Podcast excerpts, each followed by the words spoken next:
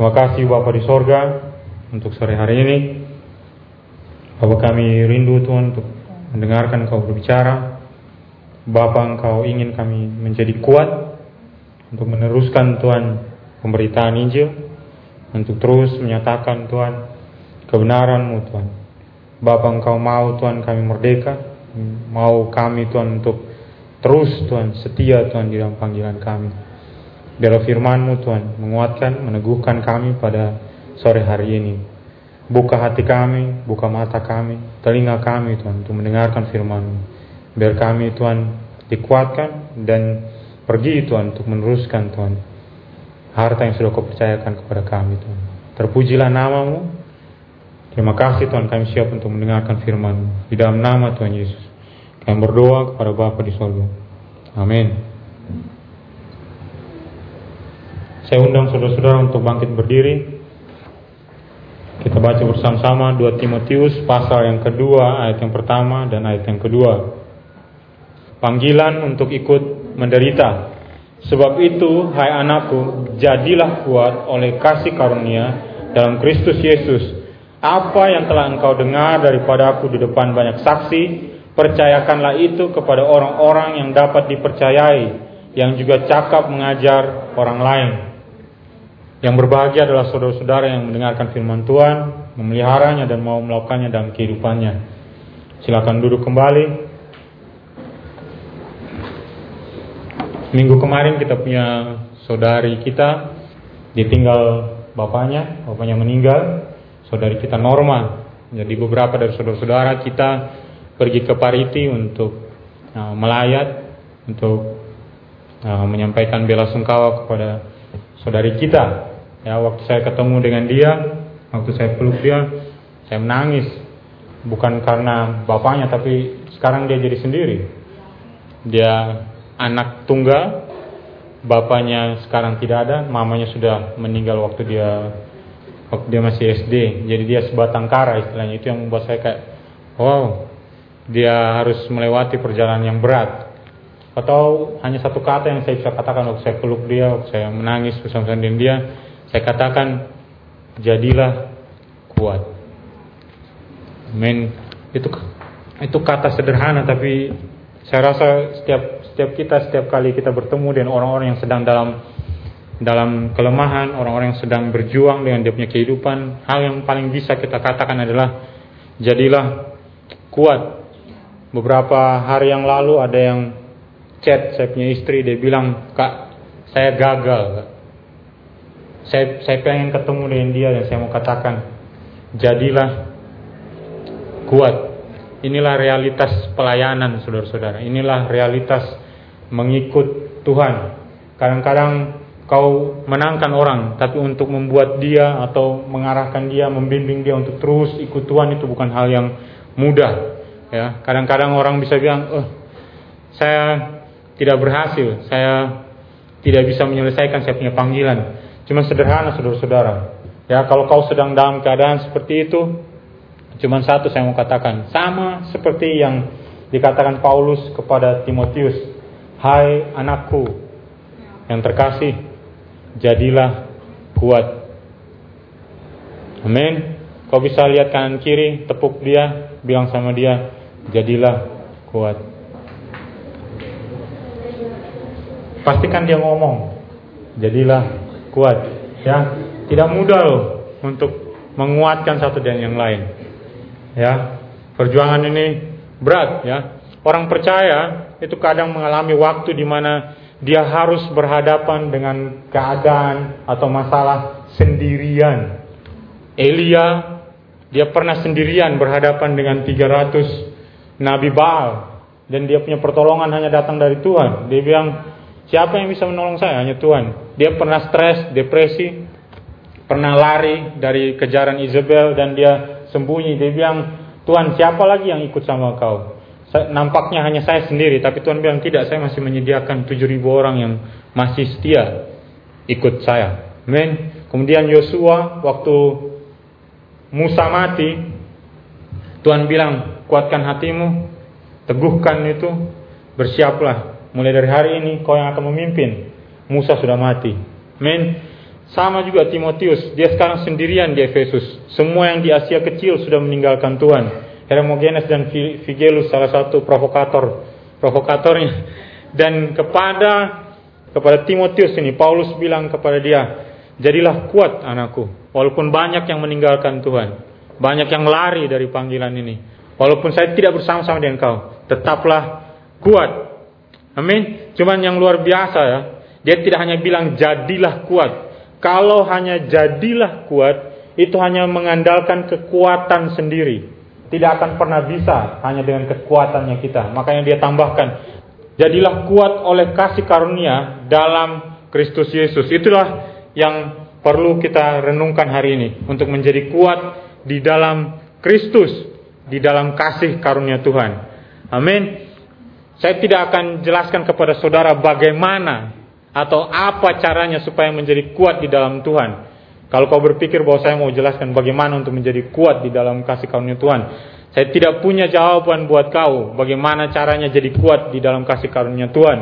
Tapi saya hanya mau jelaskan beberapa fakta mengenai menjadi kuat di dalam Tuhan. Ya, ada beberapa hal yang mau saya bagikan kepada saudara-saudara tentang menjadi kuat di dalam Tuhan. Bukan caranya atau bagaimana. Saya hanya kasih tahu fakta-fakta waktu kau menjadi kuat di dalam Tuhan. Hal yang pertama harus kau renungkan saudara-saudara bahwa tidak ada satu pola khusus untuk menjadi kuat di dalam Tuhan. Tidak ada satu kunci rahasia atau kunci utama untuk menjadi kuat di dalam Tuhan atau pola khusus untuk menjadi kuat di dalam Tuhan. Ya, karena kita sering ketemu dengan orang, kita sering ikut webinar atau ikut seminar. Ya, kebanyakan orang bertanya di akhir sesi penerangan atau penjelasan, orang masuk ke sesi diskusi, orang langsung bertanya, kiatnya untuk sukses apa? Apa langkah-langkah untuk menjadi sukses, berhasil di dalam kau punya uh, cita-cita uh, atau visi atau mimpi? Ya, dan orang itu mulai menjelaskan kepada saudara-saudara, begini loh caranya supaya mendapatkan kesuksesan, begini loh caranya supaya menggapai kau punya cita-cita dan visi. Ya, nah pola ini kadang-kadang kita bawa juga juga di dalam kehidupan Kristen kita. Setiap orang yang sukses di dalam Tuhan, kita pikir ya, kita datang dan bertanya kepada dia, bagaimana caranya supaya bisa berhasil di dalam pelayanan atau berhasil untuk mengikut Tuhan. Masalahnya saudara-saudara, masalahnya bahwa apa yang berlaku kepada orang itu belum tentu juga berlaku kepada kita. Ya, karena begini, karena kita memiliki konteks dan bidang hidup yang berbeda-beda. Ya, ujian kehidupan kita berbeda-beda. Silahkan kau kopi dari orang yang sedang ujian itu. Tapi masalahnya, soalnya kau berbeda dengan soal orang di sebelahnya kau. Kau tidak bisa kopi dia. Men, dia lagi lomba untuk panjat pohon, sedangkan kau lomba untuk berenang. Kau tidak bisa kopi usahanya dia. Men, tidak tidak tidak selalu berhasil apa yang orang itu dapat berhasil tidak bisa dipraktekkan di dalam kehidupan kita. Men, Sambil contoh kepada saudara-saudara. Pernah tidak saudara-saudara menemui bahwa kau menemukan satu firman Tuhan dan kau bilang inilah kunci kehidupan. Inilah satu-satunya ayat yang menguatkan saya. Tapi di kemudian hari kau ketemu lagi dengan ayat firman Tuhan yang lain dan kau bilang, "Uh, ini kayaknya satu-satunya kunci untuk bisa bertumbuh di dalam hal mengikut Tuhan." Seperti contoh beberapa minggu yang lalu ada sister yang kesaksian di sini. Dia bilang, inilah satu ayat yang menguatkan saya. Berselang berapa menit kemudian dia bilang, ini lagi ayat yang menguatkan saya. Kau, kau mengerti tidak saudara-saudara? Bahwa tidak ada satu jawaban yang pasti atau tidak ada satu kunci yang pasti bahwa inilah satu-satunya pola yang bisa membuat kau berhasil atau menjadi kuat di dalam Tuhan. Amin. Beberapa orang yang ketemu di ketemu Yohanes pasal 15 dia bilang kuncinya adalah melekat pada Kristus. Ketemu sama orang dia sharing, kenapa kau susah, kenapa kau struggle? Saya punya perjalanan ini hanya ingat satu bagian firman Tuhan, Yohanes 15. Yang penting melekat saja bro and sis. Kau pasti kuat dalam Tuhan. Masalahnya ujiannya dia dan ujiannya kau berbeda. Yohanes 15 mungkin berlaku sama kau, tapi belum tentu dia butuh Yohanes 15. Ada orang yang kuat dengan Matius pasal 11 ayat 28 tadi. Tapi kenyataannya tidak semua orang betul-betul punya beban berat. Amin. Jadi tidak ada satu kunci atau satu pola tertentu yang bisa dipakai sebagai cara untuk bisa menjadi kuat di dalam Tuhan. Ya, sampai sini kau paham? Kalau Yesus sendiri, ini, ini yang luar biasa dengan Yesus. Yesus waktu berhadapan dengan iblis dalam pencobaan di padang gurun, Yesus bilang apa? Manusia tidak hidup dari roti saja, tapi dari setiap firman yang keluar dari mulut Allah. Jadi kau mengerti, dari setiap firman yang keluar dari mulut Allah itu punya kuasa untuk menghidupkan atau menguatkan setiap orang yang membaca, merenungkannya dan menanamnya di dalam kehidupannya itu akan berbuah. Amin. Jadi tidak ada satu patokan khusus di dalam Alkitab yang bisa menjadikan kau betul-betul kuat di dalam Tuhan. Semua di dalam Alkitab ini berguna bagi kau. Makanya dibilang 2 Timotius pasal 3 ayat 16, dia bilang setiap firman yang dihembuskan oleh Tuhan, yang diilhamkan oleh Tuhan, itu berkuasa untuk apa? Mengajar, menyatakan kesalahan, mendidik orang, menuntun orang memperbaiki kelakuan, mendidik orang dalam kebenaran. Semua, ya, Alkitab tidak menawarkan hanya satu kunci untuk kau sukses, tapi semua kunci ada di sini. Tinggal kau pilih kau mau pakai yang mana. Amin. Jadi setiap bagian ini dalam firman Tuhan, yang penting kau datang dan kau renungkan baik-baik, kau akan menemukan bahwa semuanya berguna bagi kehidupannya kau, tergantung konteks atau tergantung keadaan waktu kau menghadapi itu. Amin. Kau bisa lihat Mazmur pasal yang pertama. Jadi maksud saya tidak ada satu pola khusus untuk menjadi kuat dalam kasih karunia Tuhan karena ada begitu banyak pola untuk menjadi kuat di dalam Tuhan. Asalkan kau merenungkan firman Tuhan. Dia bilang berbahagialah orang yang tidak berjalan menurut nasihat orang fasik, yang tidak berdiri di jalan orang berdosa, yang tidak duduk dalam kumpulan pencemooh, tetapi yang kesukaannya ialah Taurat Tuhan, yang merenungkan Taurat itu siang dan malam. Dan kau perhatikan ini, ia seperti pohon yang ditanam di tepi aliran air yang menghasilkan buahnya pada musimnya, tidak layu daunnya. Apa saja yang diperbuatnya berhasil, saudara-saudara. Jadi apa kuncinya kau bisa tumbuh segar di hadapan Tuhan. Sederhana. Semua ini bisa berguna bagi kau. Kalau kau berhadapan dengan sakit hati, ada firman Tuhan yang bisa menolong kau lepas dari sakit hati. Kalau kau berhadapan dengan masalah yang sukar, kau bisa cari. Ada banyak sekali di dalam sini. Hanya kau perlu betul-betul merenungkan baik-baik. Kau bisa baca Mazmur 119. Kita baru saja selesai membaca Mazmur 119. Mazmur 119 ayat 18. Singkapkanlah mataku supaya aku memandang keajaiban-keajaiban dari Tauratmu.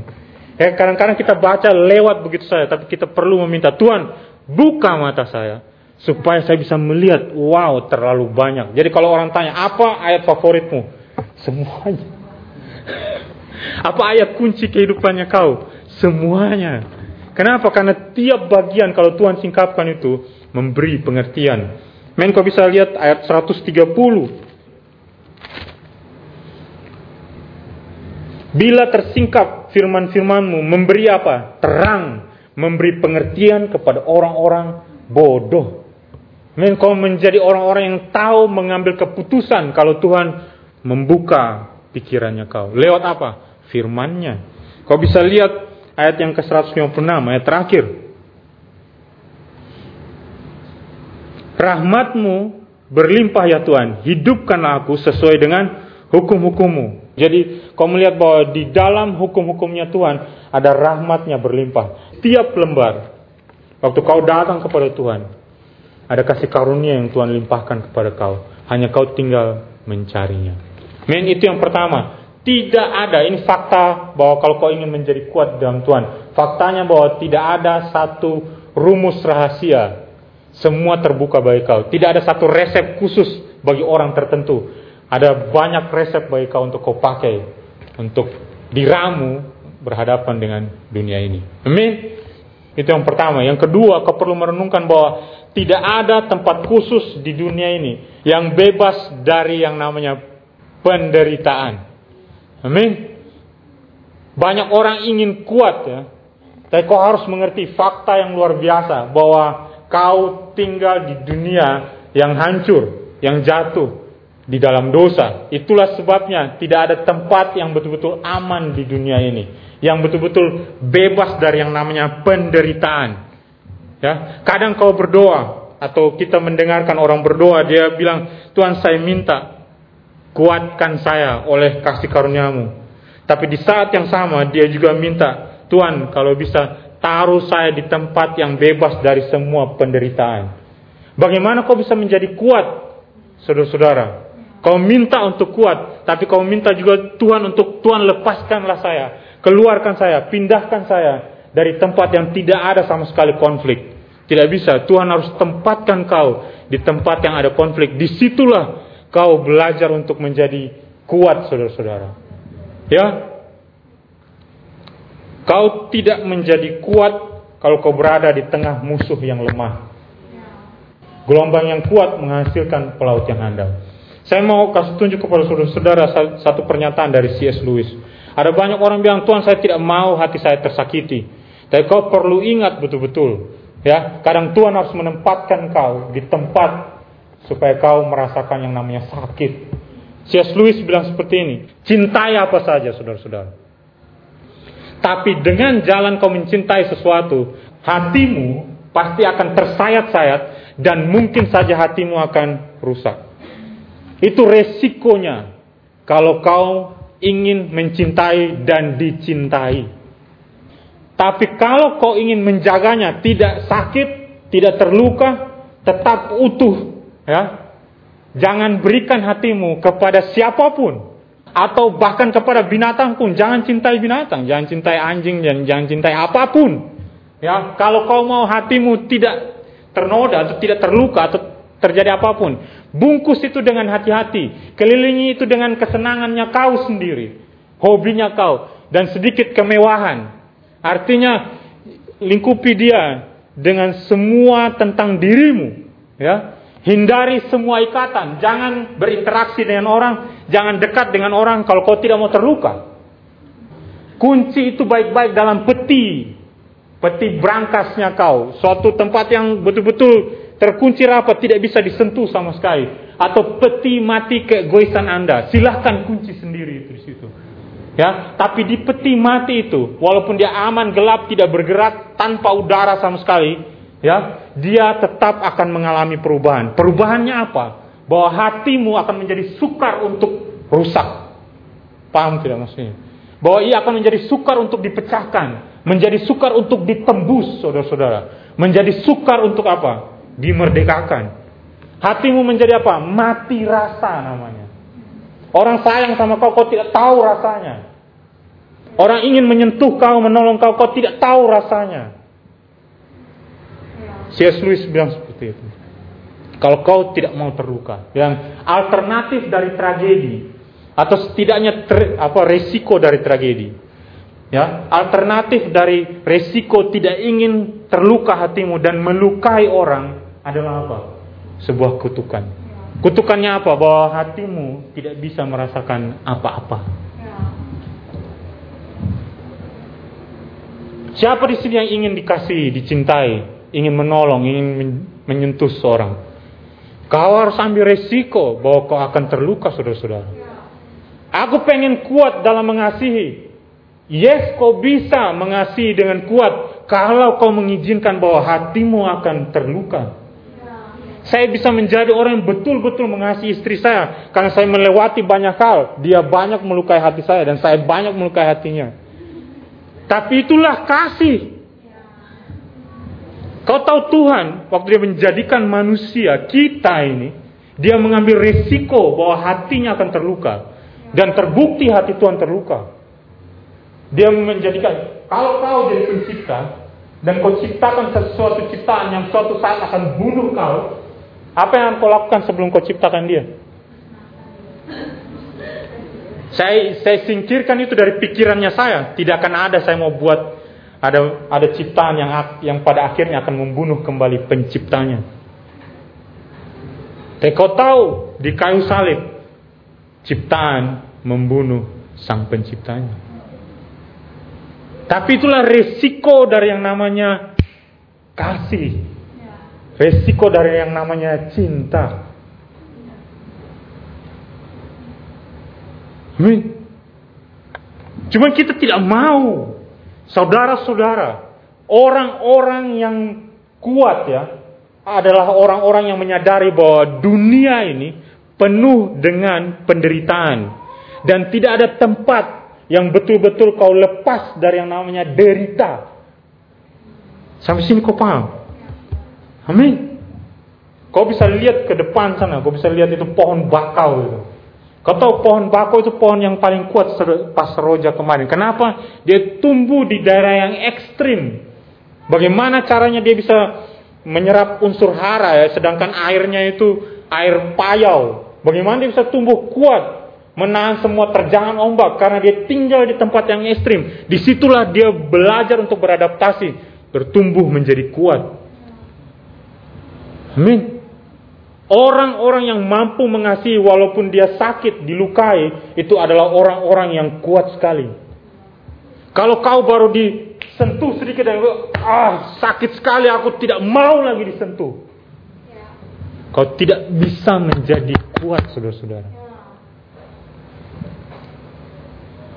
Menurut saya, orang-orang yang sudah pacaran berulang kali, ditolak berulang kali, itu orang-orang yang paling tegar saudara-saudara. Menurut saya, ya ditolak berulang-ulang, ditolak berulang-ulang dan dia bisa masih datang dan masih percaya diri bahwa masih akan ada orang yang mencintai dia. Itu orang yang luar biasa. Dia mengizinkan hatinya untuk diuji berulang-ulang. Amin.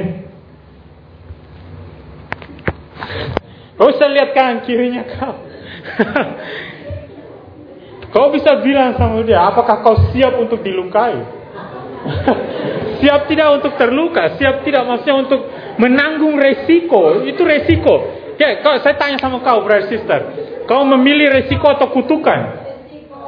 Tidak pernah merasakan sama sekali yang namanya kasih. Atau memilih, aku merasakan kasih dengan bonusnya bahwa saya akan terluka. Sakit tidak dilukai, sakit. Tanya saya semua orang yang pernah ditinggal sama sama mantan. Pasti sakitnya minta ampun pengen minum baygon lah, pengen loncat dari jembatan Liliba lah, pengen banyak hal yang ingin dia lakukan. Tapi kalau dia bisa masih hidup sampai hari ini berarti dia pribadi yang tangguh.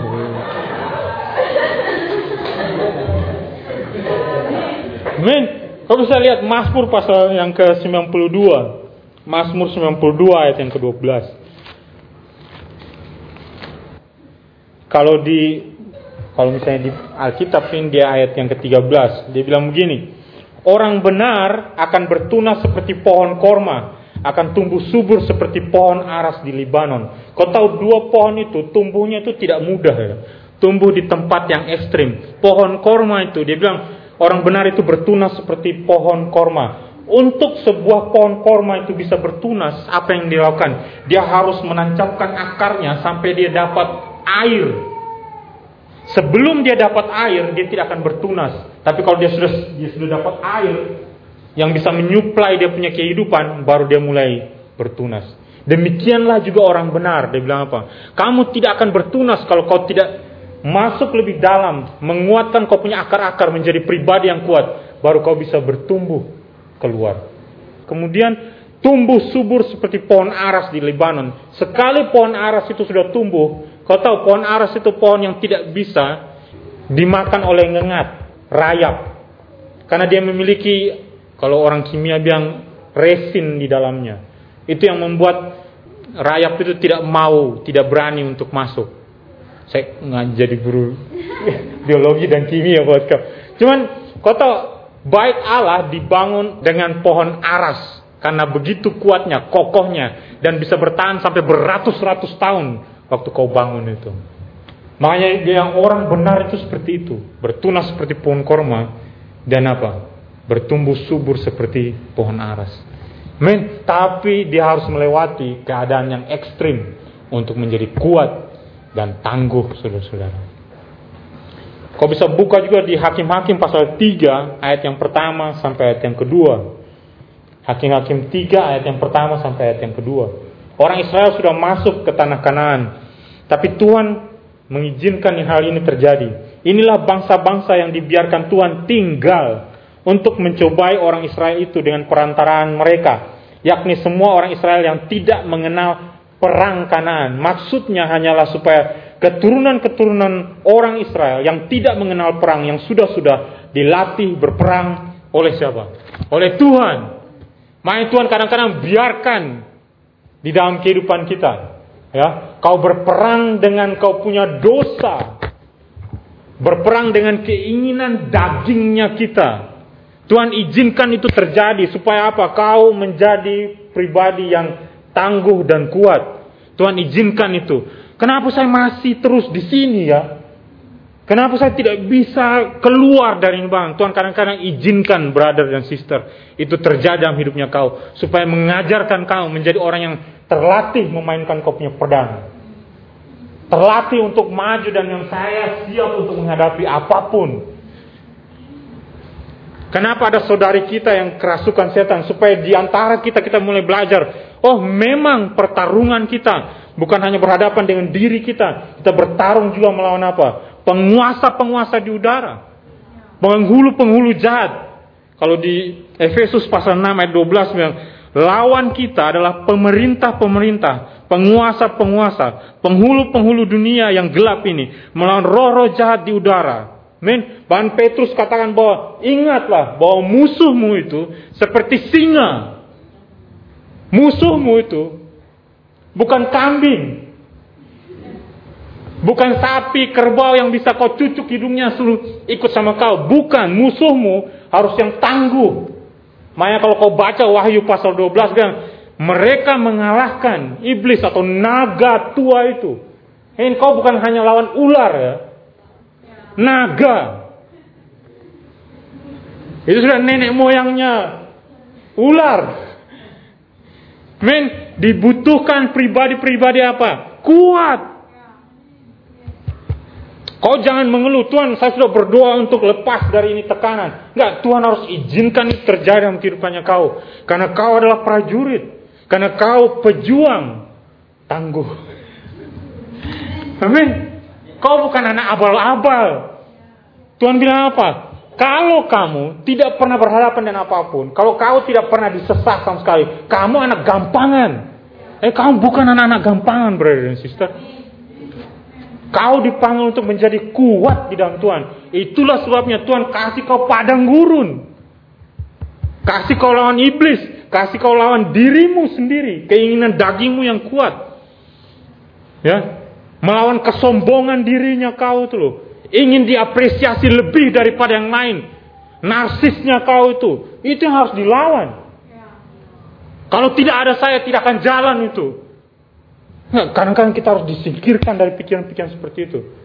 Tahu iblis tuh, Lucifer tuh. Karena dia pikir dia, kalau tidak ada dia, tidak akan ada pujian di sorga. Sombong dia. Apa yang terjadi? Memberontak lawan Tuhan. Ya, Tuhan buang Amin. Amin. Ada pancil ada tiga musuhnya kita. Iblis, penguasa-penguasa di udara, diri kita sendiri dan keinginan-keinginannya dan dunia ini.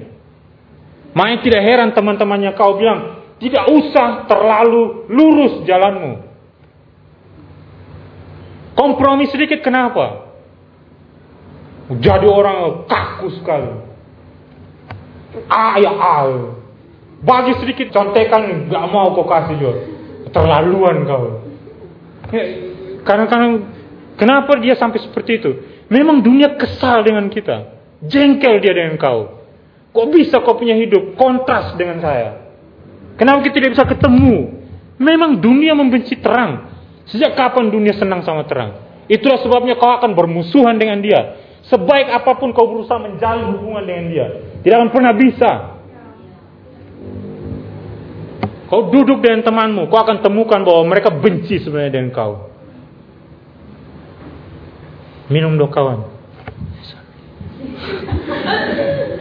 Dalam hati jengkas kayak satu. Makanya ada ada teman saya dengar cerita kasihan juga. Sampai temannya kumpul jebak dia, kasih minum dia sampai dia mau. Kasihan sekali Dunia begitu benci dengan orang-orang yang punya pandangan yang lurus. Amin, saudara-saudara. Itu musuhnya kita. Tuhan harus tinggalkan kau di situ supaya kau menjadi pribadi yang kuat. Amin. Tuhan tidak pernah taruh kau di belakang urusan dapur. Sudah kau urus pertahanan belakang saya. Tidak. Tuhan taruh kau di garis depan pertempuran supaya iblis muncul pertama kau yang harus hadapi dia. Supaya dunia datang kau yang harus berdiri hadapi mereka. Nih, aku bisa lihat kanan kiri. Itu muka-muka pejuang, itu muka-muka orang yang, yang siap ambil langkah seribu waktu berhadapan dengan musuhnya. Nih,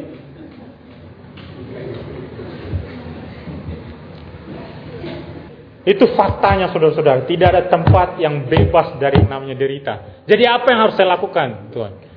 Cuma satu, terima itu realitas. Terima itu realitas. Dan yang lebih bagus lagi, syukur itu. Thank you Tuhan. Kau taruh saya di depan medan pertempuran. Gila pertempurannya, mengerikan. Yes, supaya kau jadi kuat saudaraku. Amin. Tapi di situlah kau akan menemukan kasih karunia Tuhan. Waktu kau berada di tengah medan pertempuran. Gambaran yang paling bagus kau bisa baca Mazmur 23 ayat 15. Eh, Mazmur 23 ayat yang kelima. Engkau menyediakan apa? Engkau menyediakan hidangan bagiku di hadapan lawanku. Pas lagi perang. Tuhan bilang sini. Kita duduk makan. Biarkan mereka serang. Kau duduk sama saya. Saya ajar kau bagaimana caranya hadapi mereka. Itu yang namanya anugerah di tengah peperangan. Tapi saya harus begini, saya harus begini. No, no, no, no. Mari duduk. Saya ajar kau caranya menghadapi mereka. Itu yang Tuhan maksud. Daud pernah mengalami itu tidak? Pernah. Dia bilang orang itu membawa lembing dan tombak nih. Yang aku datangi kau dengan nama Tuhan semesta alam. Kau tahu kenapa dia ambil lima batu dan tongkat? Karena dia tidak tahu bagaimana caranya mengalahkan itu Goliat. Dia pikir-pikir saya mungkin saja dengan ini dia bisa kasih kalah. Maya ada lima. Taunya batu pertama sudah bisa menumbangkan itu. Jadi dia tidak punya planning sebenarnya waktu dia berhadapan dengan dengan Goliat. Tapi ini yang luar biasanya Tuhan di tengah pertempuran Tuhan hadir di situ memberi anugerah. Makanya dia jadi kuat. Amin. Halo brother sister. Jadi singkirkan itu ilusi bahwa kau akan memperoleh satu tempat yang nyaman. No. Ya. Kalau kau mau tidak terluka, silakan kunci rapat dirimu sendirian kau. Tapi itu kutukan saudara-saudara. Amin. Itu yang kedua, yang terakhir, ya. Fakta yang terakhir, tidak ada istilah harap gampang saja saudara-saudara. Orang-orang yang menjadi kuat bukan orang yang harap gampang saja. Harap gampang saja. Amin.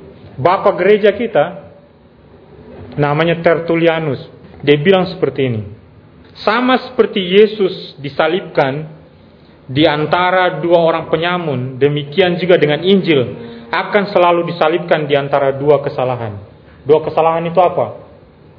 Legalistik dan antinominianis. Me.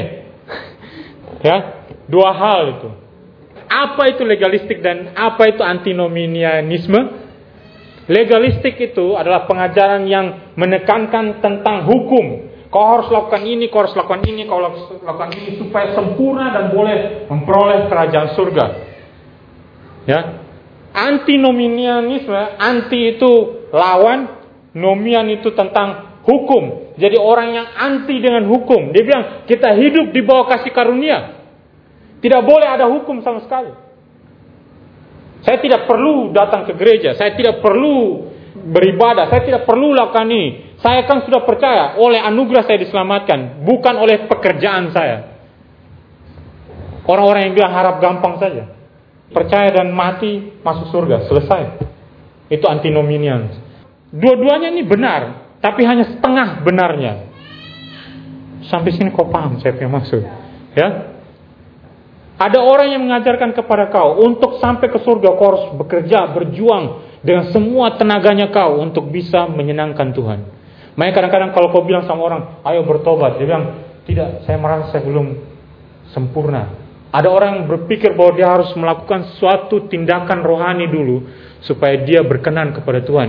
Orang-orang seperti itu memang luar biasa, tapi dia harus mengerti bahwa kasih karunia yang menyelamatkan kita. Yang lebih berbahaya adalah yang kebalikannya, menjadi bebas sekali. Yang penting percaya sama Yesus, selesai, titik. Tidak ada yang mau saya lakukan lagi. Saya mau jalan dan saya punya mau, saya mau lakukan apa pun yang saya mau, itu urusannya saya.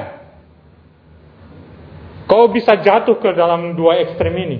Kau menjadi terlalu berpegang pada hukum atau kau menjadi terlalu bebas sebebas bebasnya. Apa yang harus kau lakukan? Kau harus berada di tengah. Tidak kaku dengan hukum, kau tidak bebas atau harap gampang saja. Kau tetap berpegang pada hukum dan kau tetap bergantung kepada kasih karunia Tuhan. Amin jadilah kuat oleh kasih karunia Tuhan. Jadilah kuat, itu tanggung jawabnya kau untuk menjadi kuat. Di pihak lain, oleh kasih karunia Tuhan, itu artinya saya menjadi kuat tapi bergantung kepada kasih karunia Tuhan. Ada yang bilang saya mau bertobat, tapi saya tidak mau lakukan apa pun setelah itu. Salah. Ada yang diajarkan bilang, Tuhan sudah mengerjakan segala sesuatu untuk kau, mengalir saja. Ada orang yang bilang, kenapa ya saya tidak bisa berubah-berubah? Kenapa saya berjuang tapi tidak bisa tidak bisa selesai dengan ini masalah? Datanglah orang yang ngajarin sama kau. Itu karena kau terlalu mengandalkan kekuatanmu sendiri. Kau harus bergantung kepada Tuhan. Dia tidak lagi bekerja, dia tidak lagi lakukan kehendak Tuhan, dia hanya sekarang bergantung kepada Tuhan. Tuhan sudah selesaikan semuanya. Dulu ada pengajaran yang namanya hyper grace. Hyper grace itu sampai bilang gini, kalau kau berbuat dosa, kau tidak perlu minta ampun. Karena Tuhan sudah ampuni kau dulu, sekarang, dan yang akan kau lakukan nanti. Jadi kau tidak perlu minta ampun. Itu pengajaran yang keterlaluan.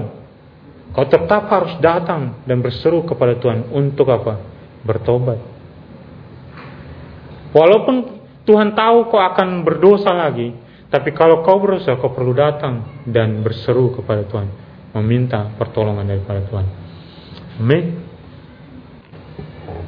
Filipi pasal 2 ayat yang ke-12 13. Hai saudara-saudaraku yang kekasih, kamu senantiasa taat. Karena itu tetaplah kerjakan keselamatanmu dengan takut dan gentar. Bukan saja seperti waktu aku masih hadir, tetapi terlebih pula sekarang waktu aku tidak hadir. Bagian yang pertama dia bilang apa? Kerjakan saudara-saudara. Siapa yang mengerjakan kau punya keselamatan? Kamu yang mengerjakan kau punya keselamatan. Tapi baru di ayat 13. Karena Allah lah yang mengerjakan di dalam kamu baik kemauan maupun pekerjaan menurut kerelaannya. Amin. Kau tidak harap gampang saja. Kau bekerja. Kenapa kau bekerja? Karena Tuhan bekerja di dalam kau.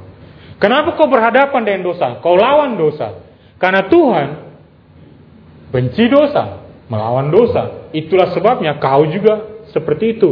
Karena Tuhan ada di dalam kau mengerjakan apa yang seharusnya kau kerjakan. Men, jadi kau tidak bisa bilang, oh andalkan saja Roh Kudus, nanti Roh Kudus yang akan mengarahkan kau. Gak bisa. Kau mengambilkan mengambil tanggung jawabnya kau dan bergerak. Kau pernah dengar firman Tuhan yang katakan seperti ini, 2 Timotius pasal 2 ayat yang ke-22. Jauhilah nafsu anak muda. Kalau terjemahan bahasa Inggrisnya dibilang run, flee from youthful lust. Lari. Sekarang saya tanya sama kau, lari itu butuh apa? Butuh tenaga dari siapa? Dari orang bukan Tuhan. Tuhan menolong kau waktu kau lari. Ya. Itu sama seperti Potifar, eh, istri Potifar waktu menggoda Yusuf. Apa yang Yusuf lakukan?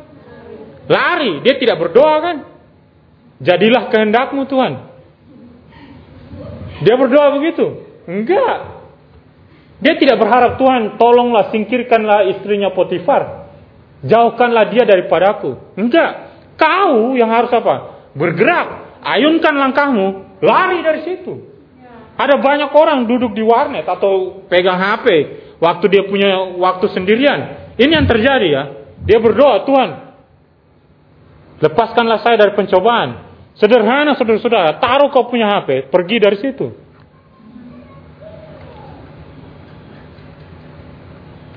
Cuman kita kan beda. Jadilah Tuhan kehendak. Ada orang chatting sama kau, entah laki-laki atau perempuan chatting sama kau. Aku suka sama kau. Cuman satu, larilah dari nafsu anak muda. Atau berdoalah Tuhan, jadilah kehendakmu.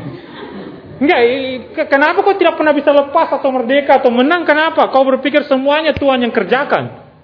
Kau hanya harap gampang saja Tuhan akan tolong kau. Enggak, kau juga harus mengerjakan kau punya bagiannya kau. Orang-orang yang kuat adalah orang-orang yang apa? Ambil dia punya bagian. Tuhan sudah kerjakan bagiannya Tuhan, saya kerjakan juga saya punya bagian. Amin. Jadi saudara yang terkasih, jadilah kuat dalam anugerah Tuhan. Dalam apa pun yang kau lakukan, ya, entah waktu kau beribadah, Entah waktu kau melayani satu dengan yang lain, waktu kau bersaksi, atau kau melakukan hal baik lainnya, saudara-saudara. Lakukanlah dengan semua sumber daya yang kau miliki. Pikirannya kau, pengetahuannya kau, kehebatannya kau, kekuatannya kau. Pergunakan semua itu untuk melayani Tuhan.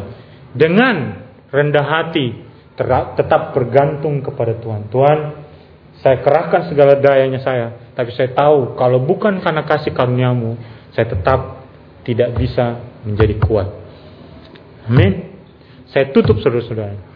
Jadi Paulus ya, di pasal yang kedua, ayat yang kedua dia katakan Percayakanlah apa yang telah engkau dengar daripada aku di depan banyak saksi, percayakanlah itu kepada orang-orang yang dapat dipercaya yang juga cakap mengajar orang lain.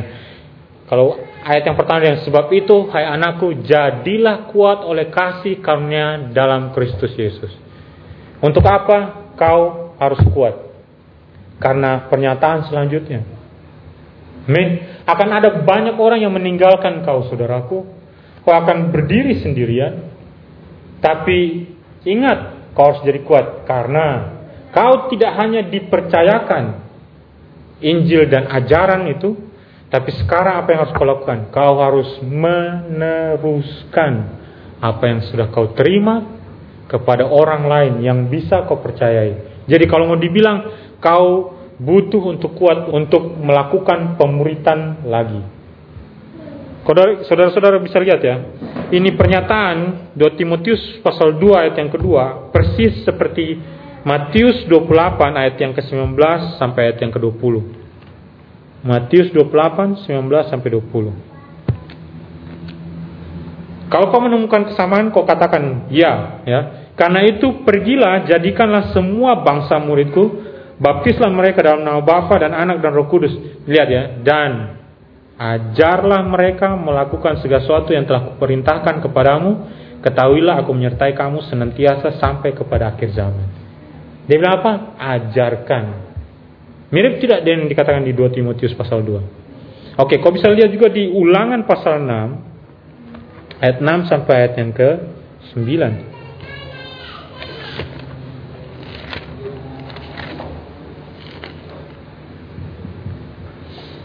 Apa yang kuperintahkan kepadamu pada hari ini haruslah engkau perhatikan, haruslah engkau mengajarkannya berulang-ulang kepada anak-anakmu, membicarakannya apabila engkau duduk di rumahmu, Apabila engkau sedang dalam perjalanan, apabila engkau berbaring dan apabila engkau bangun, haruslah juga engkau mengikatkannya sebagai tanda pada tanganmu, haruslah itu menjadi lambang di dahimu dan haruslah engkau menuliskannya pada tiang pintu rumahmu dan pada pintu gerbangmu. Men, mirip tidak? Kau melihat bahwa kalau kau mau Injil itu terus berlangsung, lestari, kekal selamanya, cuma sederhana, kau harus meneruskan pola yang sudah diteruskan oleh pendahulu kita. Amin. Dari orang Israel turun kepada Yesus, kemudian dari Yesus kepada murid-murid, dari murid-murid kepada jemaat. terakhir kepada Paulus, kepada Timotius, dari Timotius kepada bapak-bapak gereja, turun terus, turun terus sampai kita hari ini. Butuh orang-orang yang kuat untuk bisa menyampaikan itu terus, terus, terus. Jadi kau tahu visi daripada gereja sebenarnya apa? Pergi jadikanlah semua bangsa muridku. Melakukan itu kembali. Ajar apa yang sudah kau dengar, pelihara, teruskan lagi. Teruskan lagi. Makanya kenapa kita harus ada yang namanya pemuritan? Supaya menghasilkan orang-orang yang kuat dan meneruskan ini tongkat estafet Suatu saat generasinya saya akan selesai. Akan muncul generasi yang baru lagi. Orang-orang yang kuat, orang-orang yang siap untuk meneruskan kembali lagi ajaran itu. Begitulah tradisi iman Kristen sampai kepada kita sekarang. Begitulah Injil terpelihara sampai hari ini. Jadi apa yang harus kita lakukan? Jadilah kuat. Amin. Mari kita tundukkan kepala kita, kita berdoa.